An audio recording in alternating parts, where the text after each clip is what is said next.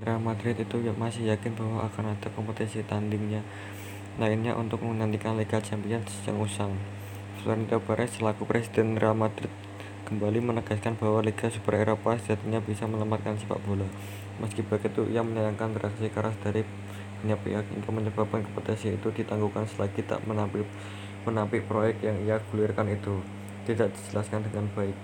Perez merupakan pemimpin di balik Liga Super yang runtuh selang dua hari sejak pengumuman turut pengunduran diri enam klub Inggris Atletico Madrid dan Inter Milan.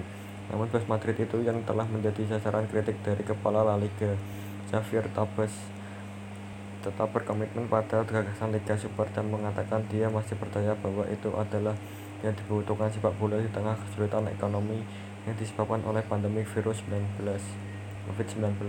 UEFA mengadakan acara yang membuat saya sangat terkejut katanya kepada program televisi Spanyol El Larguero seolah-olah kita telah menjatuhkan bom nuklir. Kesalahan apa yang kita lakukan? Mungkin kita menyajikannya dengan buruk tetapi mengapa mereka tidak membiarkan kita membicarakannya